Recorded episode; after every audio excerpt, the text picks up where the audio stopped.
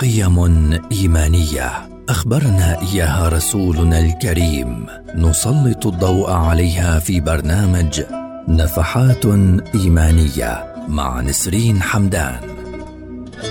برنامج نفحات إيمانية يأتيكم خلال شهر رمضان المبارك في مثل هذا الموعد عبر أجيال.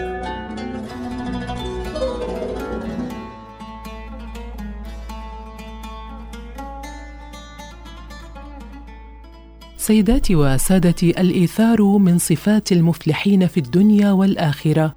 نبذة سريعة في نفحات إيمانية هذا اليوم. الإيثار هو التفضيل والتخصيص.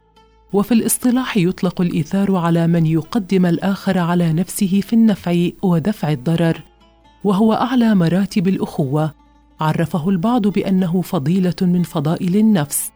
تدفع صاحبها إلى الامتناع عن بعض ما يحتاجه لنفسه ليقدمه لآخر يستحقه.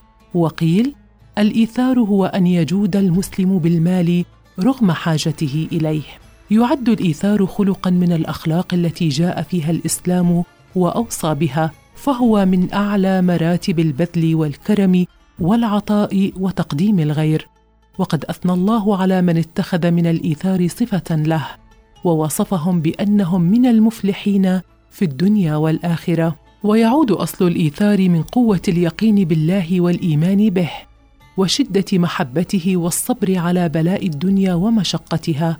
وقد مدح الله تعالى الصحابة الذين اتصفوا بالإيثار فقال ويؤثرون على أنفسهم ولو كان بهم خصاصة.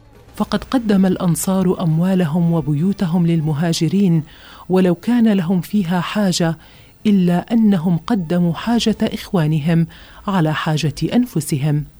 وفوائد الإيثار كثيرة فهو دليل على كمال الإيمان وعلو الهمة والتخلص من حب الذات ودليل على محبة الآخرين والرحمة ونشر المحبة والمودة والألفة بين الناس ودليل على كرم النفس وحب العطاء وتقديم الخير للآخرين ودليل على حسن ظن العبد بربه.